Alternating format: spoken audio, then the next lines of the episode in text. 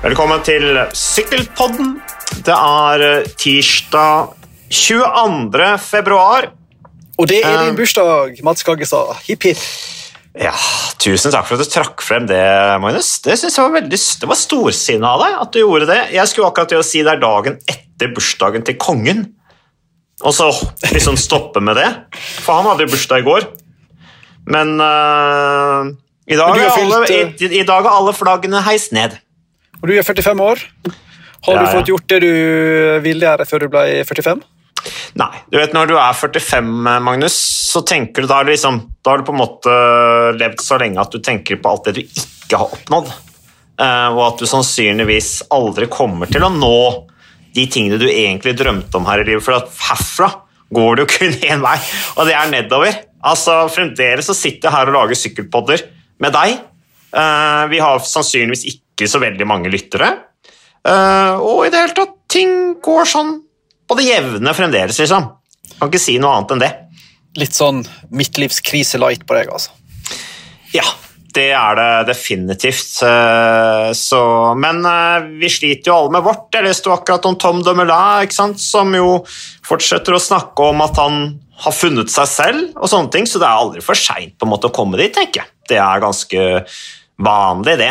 Så, um, så vi, jeg strever fremdeles med det. Ikke blitt noe, tipper det kommer ikke til å bli noe mindre av det heller da, det neste året. Så, um, så det, så det.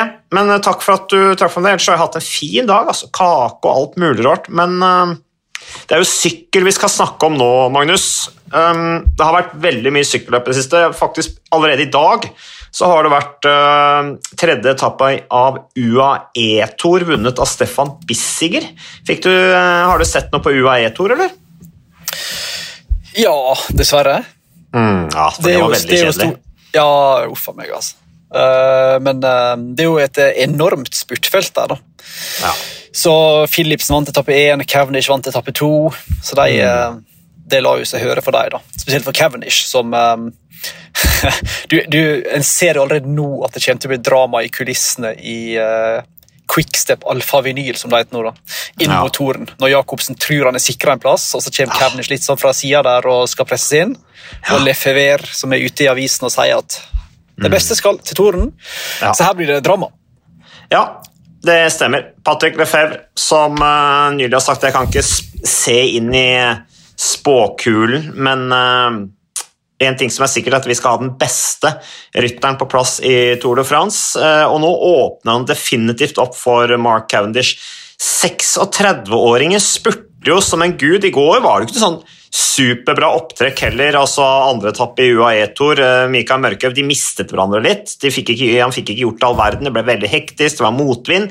Og det var rå kraft fra Cavendish der, som jo er en harding. Han sitter og kjefter og smeller inne i feltet der. Der har han en konkurransefortrinn. Altså, folk tør på en måte ikke å utfordre han noe særlig. Um, fordi at uh, han er så sterk personlighet at de vil ikke ha trøbbel med han, liksom. Jeg tror de, de frykter på en måte det sosiale ved å komme på kant med Cavendish. Jeg vet ikke, Hvordan ville du oppført deg hvis du skulle liksom knive om et hjul inn mot siste kilometeren med Mark Cavendish? Hvordan ville du følt deg da, Magnus? Eh, eh, eh, ja jeg, jeg hisser meg jo opp en sjelden gang. så hisser jeg faktisk opp. Og det er over sånne folk som, som, som Cav og Ikke nødvendigvis han, da, men disse her gamle gutta som tar seg til rette. Og den Ja. der, den der greia sykkelsport med at de beste lagene og beste rytterne liksom bare kan komme og skubbe vekk folk, eller blokkere feltet for uh, utbrytere, eller hva de vil. Så sånt ble jeg ganske forbanna for. Så Ja. jeg hadde nok uh, mista temperamentet mitt og Maktmisbruk? skjelt han ut etter nota, kanskje. Ja, du hadde Men, det, ja? eh, Ja, i, på papiret iallfall. Jeg kan si det her nå, da. Hadde, hadde sikkert trukket meg når det kom til stykket, men ikke Ja. en stil. Jeg, Men, så, eh, jeg så det intervjuet med Cavendish i går etter andre etappen i UAE-tour. Da er jo så vanlig han har vunnet, kjempeblid, overanalyserer det meste i detalj, sånn som alltid gjør når han vinner. For å trekke frem lagkameratene sine, at disse unggutta på laget der har kjørt som gamle proffer. Um, og så kommer det da et spørsmål fra Jeff Kinney, denne franske sykkeljournalisten som, uh, som er en del rundt, i hvert fall på litt sånn eksotiske plasser, i tillegg til Tour de France. Flink fyr. Han uh, spør da Cavendish et helt legitimt, normalt spørsmål, men med en undertone av at her skal det bygges opp rundt et uttak og en mulig på en måte kniving om spurtplassen på Quickstep alfa-vinyl-laget i Tour de France. Så sier han liksom ja, betyr det noe ekstra for deg at UAE Tour har et såpass sterkt spurtfelt? Og så virker det som Cavendish tolker det som at nå prøver Jeff Kinney og bygge opp, liksom hisse opp rundt dette med uttaket til eh, Quickstep Alpha-vinyl, og så bare sier han han, liksom, han skjønner på en måte, later som han ikke skjønner hva han spør om, og så bare sier uh, 'thank you', og så bare avslutter han uh, intervjuet. Merkelig, altså. Cavendish han, han leverer hver, hver gang. Han er glad i å tolke ting i verste mening. Mm. Fra oss stakkarene i, i media. Men hva hadde du sagt da, Magnus? Hadde du sagt liksom, Kom igjen, da, Mark. Altså, du skjønner hvor jeg vil. Du skjønner at her bygger det seg opp rundt en rivalisering mellom deg og Jacobsen. Hadde du vært så ærlig som reporter at du bare sagt Men liksom, det er jo det alle er interessert i. Vi vil ha, høre om rivalisering. Hva mener du? Har du en plass verdig på Tour de France-laget eller ikke? Hadde du turt å tatt den? Eller hadde han bare boikotta deg og sagt til presseoffiseren sin at jeg vil aldri mer snakke med han?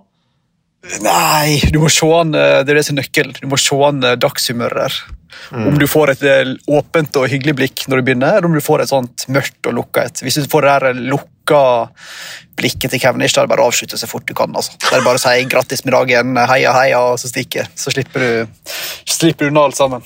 Ja, ja. Nei, det er mye psykologi, altså ikke bare inn mot uh, de siste 500 meterne, men også i intervjusonen etter en uh, seier. Uh, når han har tapt, så er det ikke noe vits, og det er vel ikke så veldig lett å, å, snakke med han. Men tilbake til Cavendish. han tok jo da sin 158. seier er jo dermed likt da, angående dette med rivalisering. altså Han er jo dermed likt med sin tidligere erkerival og tidligere lagkamerat tyske André Greipel, som vi nå har lagt opp.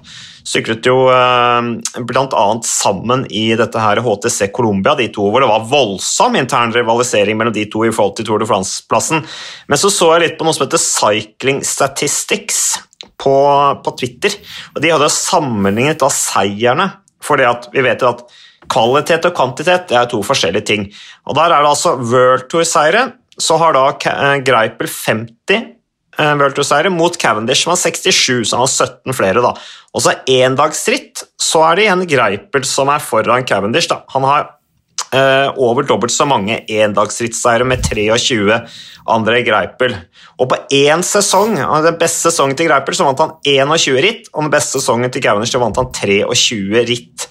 Så eh, ja, du elsker jo statistikk, Magnus, så det syns jo du er veldig spennende at jeg ramser opp denne statistikken for deg.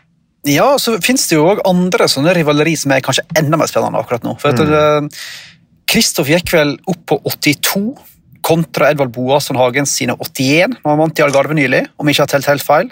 Mm. Og så gikk vel Quintana forbi Gaviria på mestvinnende colombiansk rytter når han eh, tok sammenlagt seier og etappeseier i Frankrike i helga. Da er han oppe på 51 kontra Gaviria sine 49. Så det er mange kamper i kampen her. Spesielt det med Ed Edvald og Kristoff er jo litt spennende. da å være mestvinnende norske sykkelrytter på proffnivå i historien. Mm. Quintana er jo faktisk den colombianeren som har flest etappeseiere som proff nå, i historien.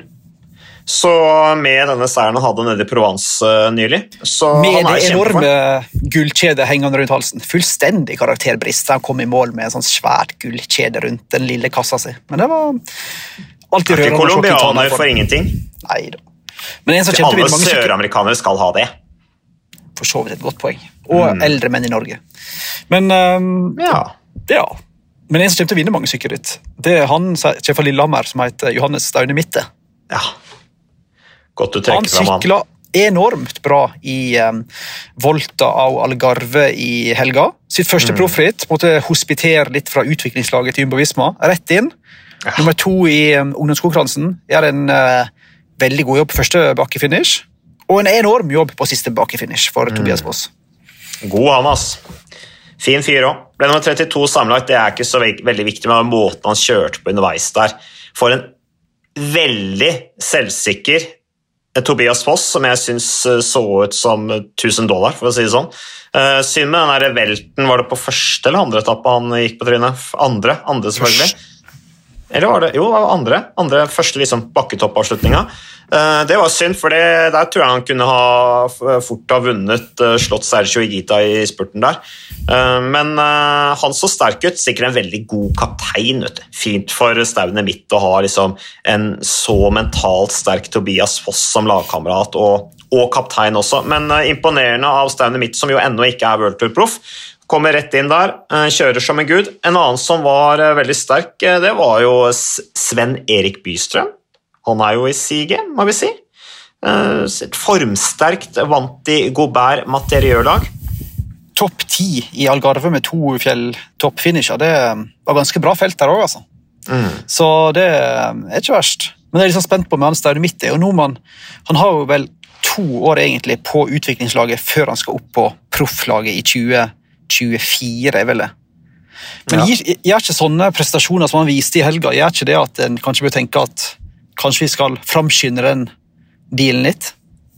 Trenger han to år til? Ja, jeg vet ikke hvordan Det der, det har jeg tenkt litt på, Magnus. Hva er årsaken til altså, at han ikke skal over på World Tour-laget før i 2024? Han har jo egentlig kontrakt med Jumbo Visma nå da fra 2022 til 2026. En ekstremt lang kontrakt. Eh, men hvorfor skal han være så lenge på U23, eller på kontinentallaget. Um, det er spørsmålet, men spørsmålet er om det har noe med lønn og sånn å gjøre òg. Jeg vet ikke. Budsjetter, og han kan jo uansett liksom hoppe litt opp og ned mellom rittene, så på, mellom de ulike programmene. Men så kan du vel bare hoppe opp og ned mellom programmer et visst antall ganger, tror jeg. Mm. Jeg tipper, Nå tenker jeg bare høyt, da, men jeg vil bare tippe at det har med å gjøre at det er en ung rytter som en vet jo alle hvordan det utvikler seg. Så istedenfor å ta en plass på A-laget kanskje litt for tidlig, så kjører du heller litt safe og gir han et par år der og så et par år på mm. seniorlaget. Men um, uansett, han er enorm uh, enormt lovende han viste da, for den tidligere Norges juniormesteren på, på ski. Så... Ja. Der, vet du hva, Nå har sykkel begynt å ta skiløperne. vet du. Istedenfor omvendt, hvor det var liksom langrenn som tok syklistene. Nå er det omvendt. Så det syns vi er litt artig med utvikling. Altså. Det synes vi er kult. Men jeg tror du er inne på et veldig godt poeng der, eh, Magnus, når det gjelder uh, Johannes Staune Mitte. Altså, han er bare 20 år, hadde bursdag 18. januar, så han er akkurat fylt 20, egentlig. Um, og, der, og, og, og, vi har jo snakka mye om dette her med disse rytter, unge rytterne som kommer rett opp i World Tour og sånne ting òg sånn sunn, god, gammeldags sunn fornuft, så er det lurt at han kjører en stund på kontinentalnivå, litt mindre ritt, ikke på det tøffeste World Tour-programmet, og, og, utvikler en mestringsevne, da, både i forhold til det taktiske, kjøremessige og ikke minst belastningsmessige, før han går opp på et tøffere World Tour-program. Så, så, jeg tror det er smart det at han er to år til i, i det laget. Helt enig. Og det som er så spennende med han, er at han klatrer jo åpenbart veldig bra. Mm. Og har vant til å i var det Ronde Lizar i fjor. Og, Stemmer. Um, men han, jo, han, var jo, når han var yngre, så var han jo først og fremst veldig god på tempo. Altså junior-norgesmester på tempo, om ikke tar feil. Mm. Så han har jo åpenbart uh, potensial innenfor flere um, grener. Da. Så det kan jo bli en uh, meget bra etapperytter om noen år. Da. For ja. en gutt som har levert uh, gode jeg, testtall siden han var veldig ung. Så et naturtalent der, tror jeg. Ja, det skal bli spennende å følge karrieren til uh, Johannes Staune Midt, altså. Den tredje Jumbo Visma-nordmannen, da. Um, så um, det skal bli artig å se. Tobias Foss har vi snakka om. Han så ut til å være i kjemperute. Ellers er jo da også Ruta del Sol ble kjørt, er ferdig. Så fikk du sett noe på det, eller? Ja, vi prøver å se alt sammen, da. Men klart, når UCI makter å planlegge seks simultane sykkelritt i helga, så blir det jo uh, slitsomt for alle. egentlig. Ja. Det blir jo litt overdose. Uh, planlegging er ikke det de er best på borti, borti Egl i Sveits. Nei, de planlegger Tour de France-start i nord. Og det, Tour de France skal jo innom Egl nå for første gang i historien, faktisk til tross for at det er et sykkelsentrum, så skal endelig Tour de France til Egla i årets løype. Uh, Ruta Dalson, som for øvrig ble da vunnet av Wout Pools, Bahrain Victorious-rytteren fra Nederland, rytteren vi kjenner bl.a. fra Team Sky, hvor han var en helt fantastisk hjelperytter foran Christian Rodriguez, Total Energy og Miguel Angel Lopez, som nå er tilbake i Astana-fargene. Har du forresten sett den der rappen til Astana, eller? Har vi snakka om det? Uh, jeg har sett den, men samtidig fortrengt den. Mm. Ja. Sånt, sånt, er vondt i mitt hjerte, altså. det var så ille, ja. Ja, det var det. Men du er en rap, mm. du er en rappentusiast, eller hva det heter på fagspråket, så du uh, koser deg vel? Jeg syns uh, jeg hører fremdeles på gangsterrap. Nå er jeg jo blitt 45 år gammel, men jeg trøster meg litt med at Snoop Dogg og Dr. Dre og disse her, de er jo ganske gamle. De er jo eldre enn meg. Så hvis de kan lage musikken, så må jeg kunne høre på den, tenker jeg. Ja, det var jo briljerte jo på Superbowl nylig, så ja, de, eh, ja, det var med M&M og greier, det. Det var jo De leverer, de gamle gutta der. altså Det er ikke noe tvil om det. Det er ikke noe tvil om det. Uh, litt uh, tilbake Vi var jo, vi sendte jo her noe med sykkelresultater vi bør gå igjennom da. Vi har jo Ja, Susanne Andersen hun ble jo nummer tre på sisteetappen denne uh, sykkeluka, valensianske sykkeluka. Det var jo det første da uh, skikkelige resultatet til uh, Uno X sitt World Tour damelag. Hyggelig for de å komme i gang med Susanne Andersen, som åpenbart er i bra slag, og en sterk gruppe der som gikk av gårde. da på siste etappen, og hun er jo spurtsterk, Susanne Andersen, så hun eh, ble nummer tre. Hyggelig for henne. Ble jo vunnet av Mertia Bastianelli. Den der eh, siste etappen samla ble jo vunnet av Annemiek van Fløyten. Og så kjørte Katrine Aalerud, syns jeg. Eh, solid. Hun gjorde jo sikkert en bra jobb også for Annemiek van Fløyten, uten at jeg så alt det der. Men sånn resultatmessig så ser man jo at Katrine Aalerud er på, på hugget. Um, hun gjorde en god jobb hun, altså, for Annemiek van Fløyten på bakkene der. Det var jo en sånn skal vi si, litt eh, sporadisk livestream. Men eh, mm.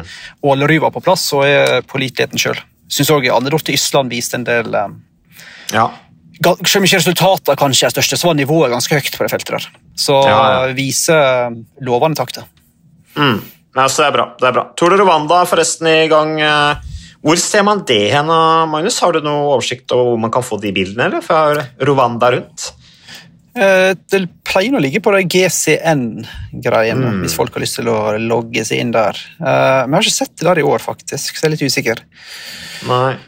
Der kjører jo Team Coop, da. De hadde første etappe eh, hvor de hadde Andreas Stokkbro, den nye dansken. Han ble seks, og Louis Bendiksen, andre dansken på laget, ble nummer sju. Så hadde de to topp ti. Um... så hadde de vel han uh, dreget opp en fjerdeplass der på prologen. Stemmer det. Gutt, han ble fire. Gutten fra Stranda. Ikke denne stranda. Ikke denne stranda. Unnskyld. Reklame. Eh, stranda i, i i, på Sunnmøre, altså. Ja, Drege ble nummer tolv også på etappe to, så jeg vunnet av selveste Jonathan Restrepo, colombianeren som nå kjører i drone hopper.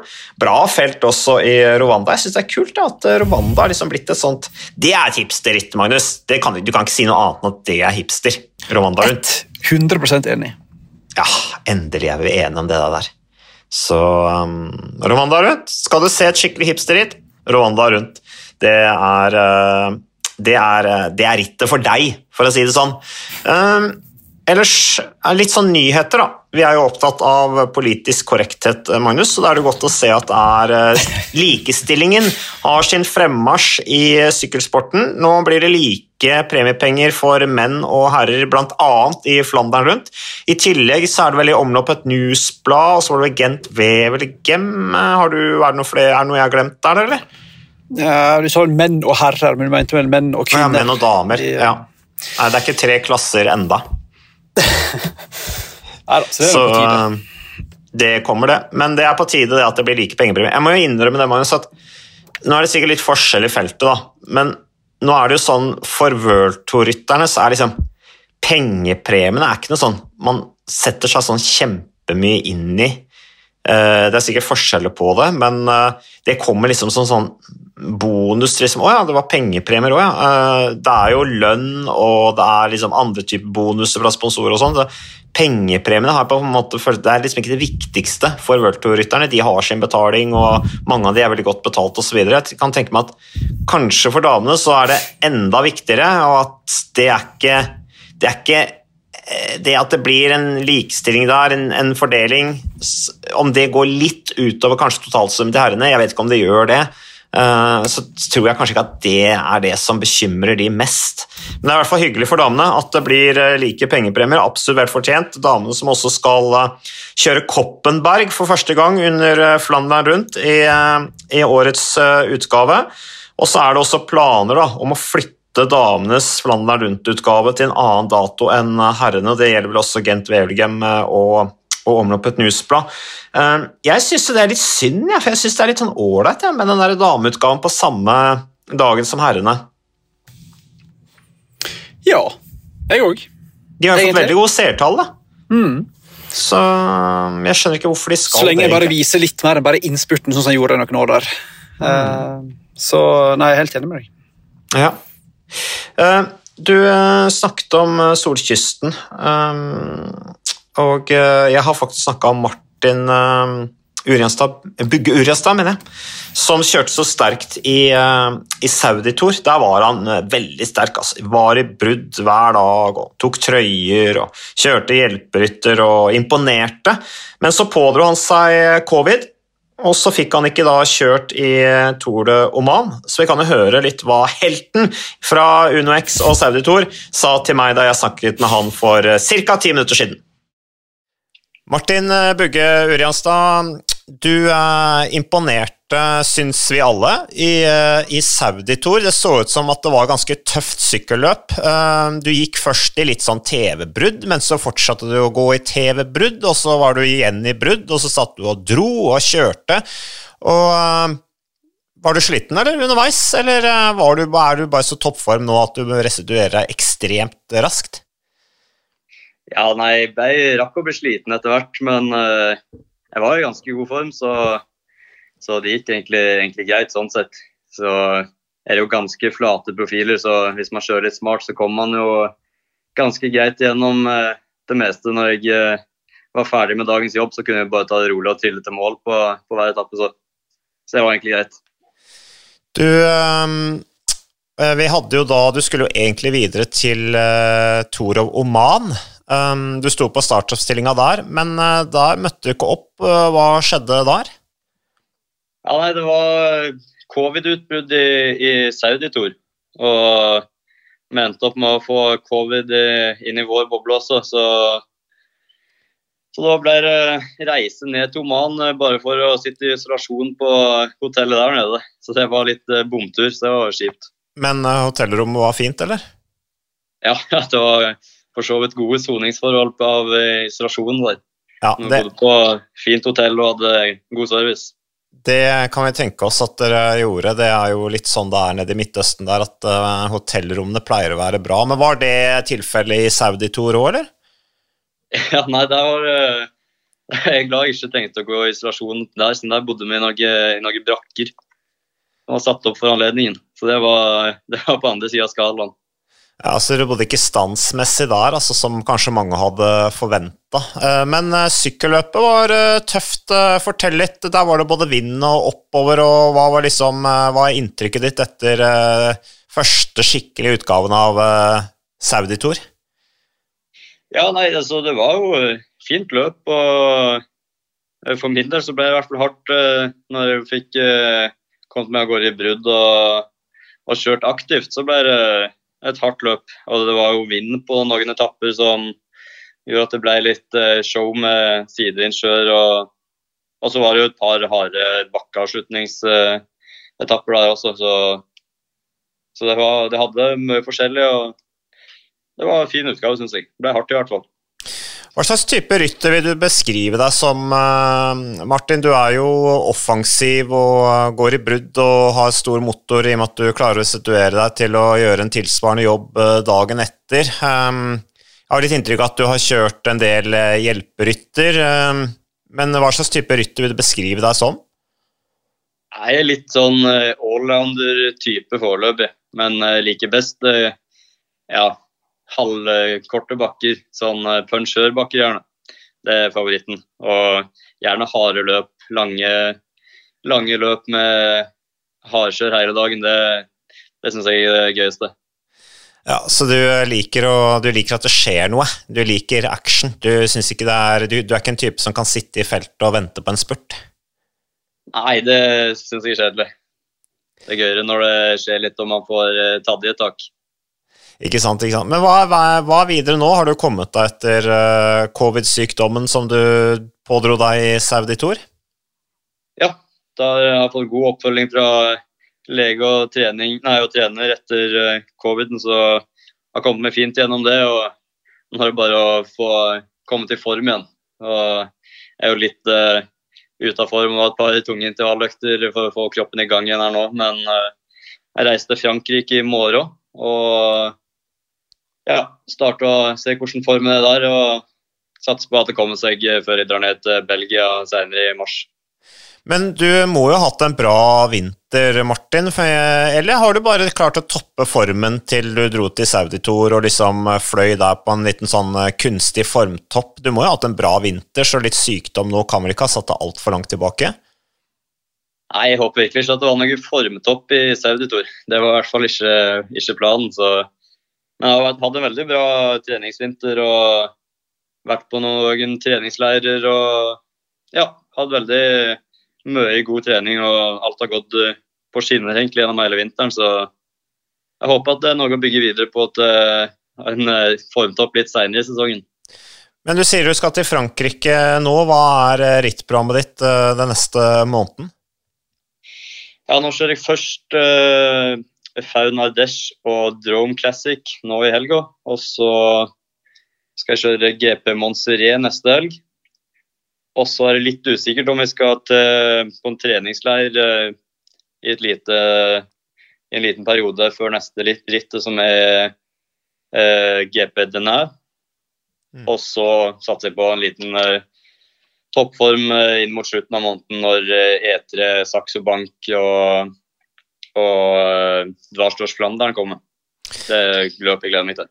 Ja, Eh, det blir spennende, Martin. Du kommer jo i form igjen, selv om du eh, ikke fikk kjørt Oman. Jeg kan tenke, jeg kan bare sånn, I mitt hode så tenker jeg kanskje at Saudi-tour ble såpass intenst, i og med at du var så, så, aktiv som det du var der, at det der å hoppe rett til Oman kanskje kunne slitt deg litt mer ned, og kanskje bare var en fordel at du fikk hvilt deg litt etter Saudi-tour. Jeg vet ikke hva du tenker? Jeg? Nei da, jeg tror kanskje ikke det var noen fordel. Og jeg var, var klar for å løpe igjen, følte jeg, og gleda meg til det òg. Men uh, jeg tror ikke det er noen fordel å få bli syk uansett. Men uh, jeg tror nå jeg klarer å begrense skadene i hvert fall, og kommet meg fint gjennom det uten å få noen problemer. Så det blir bare ble en uke uten uh, noe særlig trening. Og så ja, tar det vel et par-tre uker å komme seg i form igjen. så regner jeg med at jeg skal komme fint i hakk igjen etter det. Det så ut som, eh, hva gjelder Oman, i hvert fall med måten Sjarmi kjørte der, og plutselig satt eh, i ledelsen og kjempa i toppen, så hadde de kanskje trengt, trengt deg der, for det ble jo tynt med Uno X-ryttere utover, utover, slutten av Tour de Oman.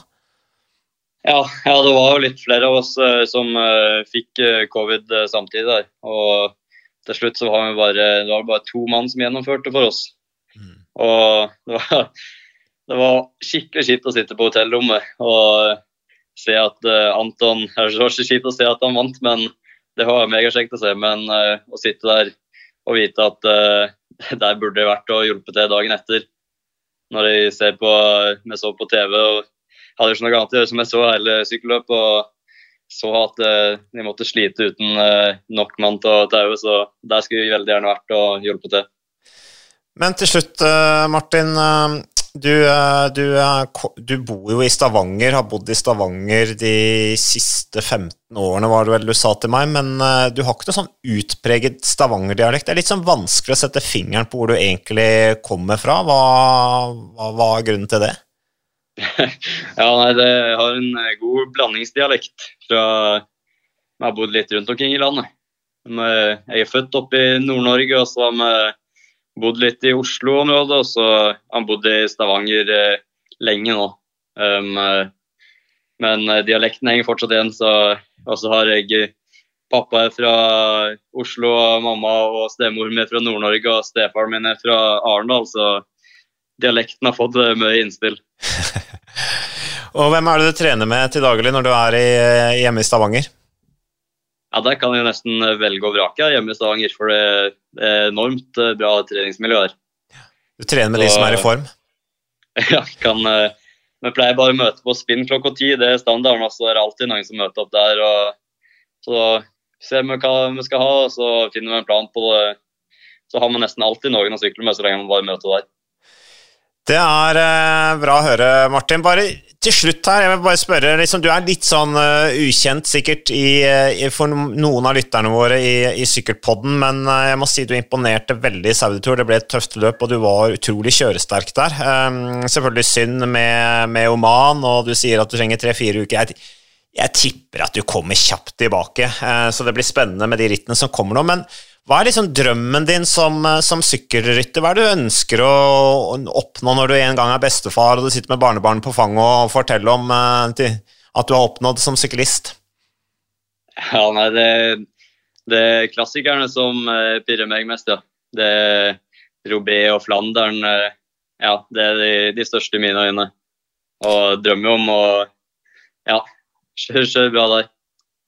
Da satser vi på at uh, du får en bra opplevelse da, i endagsrittene du skal kjøre nå til eh, helgen som kommer. Og så uh, takker vi for praten, Martin. Masse lykke til videre. Takk skal du ha. Ja, Martin uh, Bugge Urienstad er en veldig hyggelig fyr. Um, og Han er veldig sterk, han imponerer meg. Han er jo bare 23 år gammel. Det er litt sånn typisk, Magnus.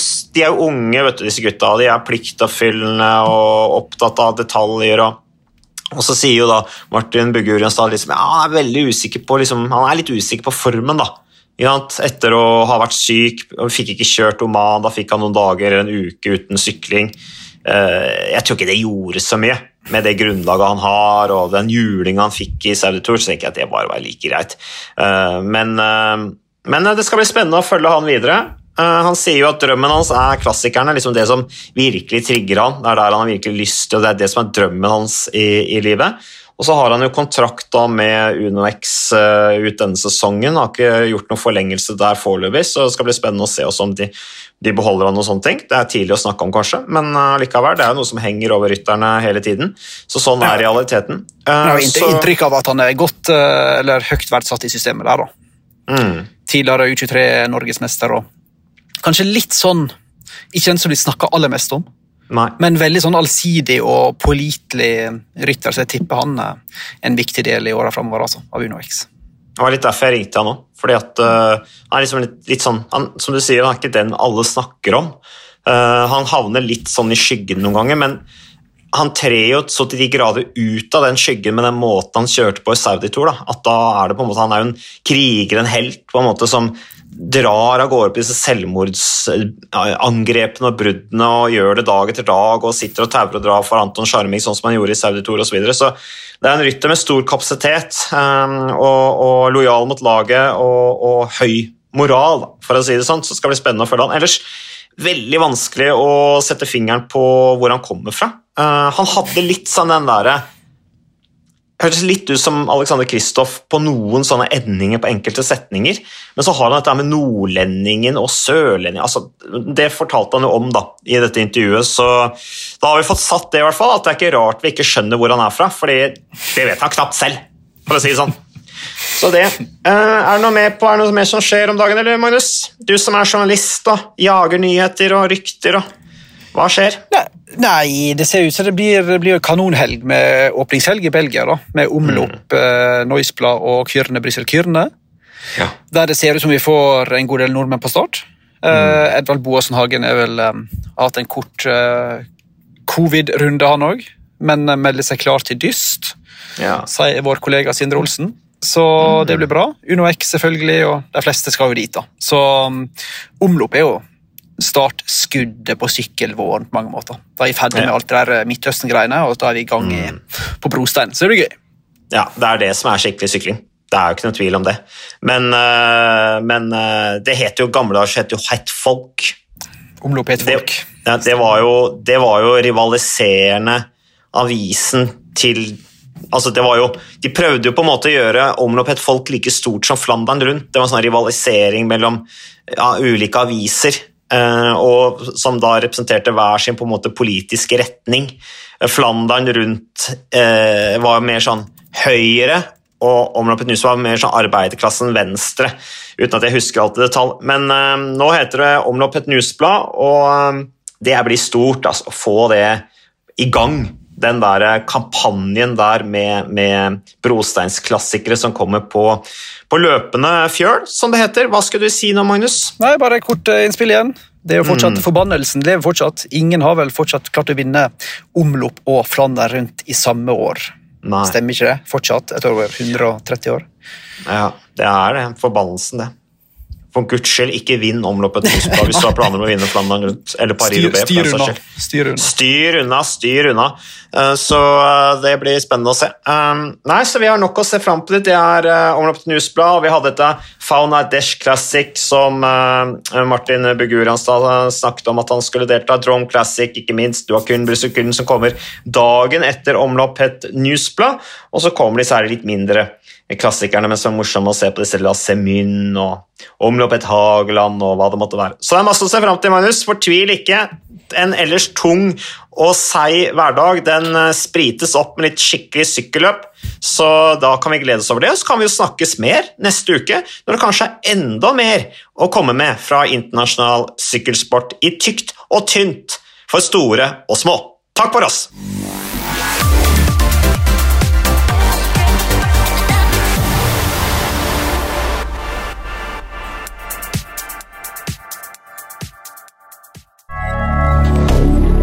Moderne media.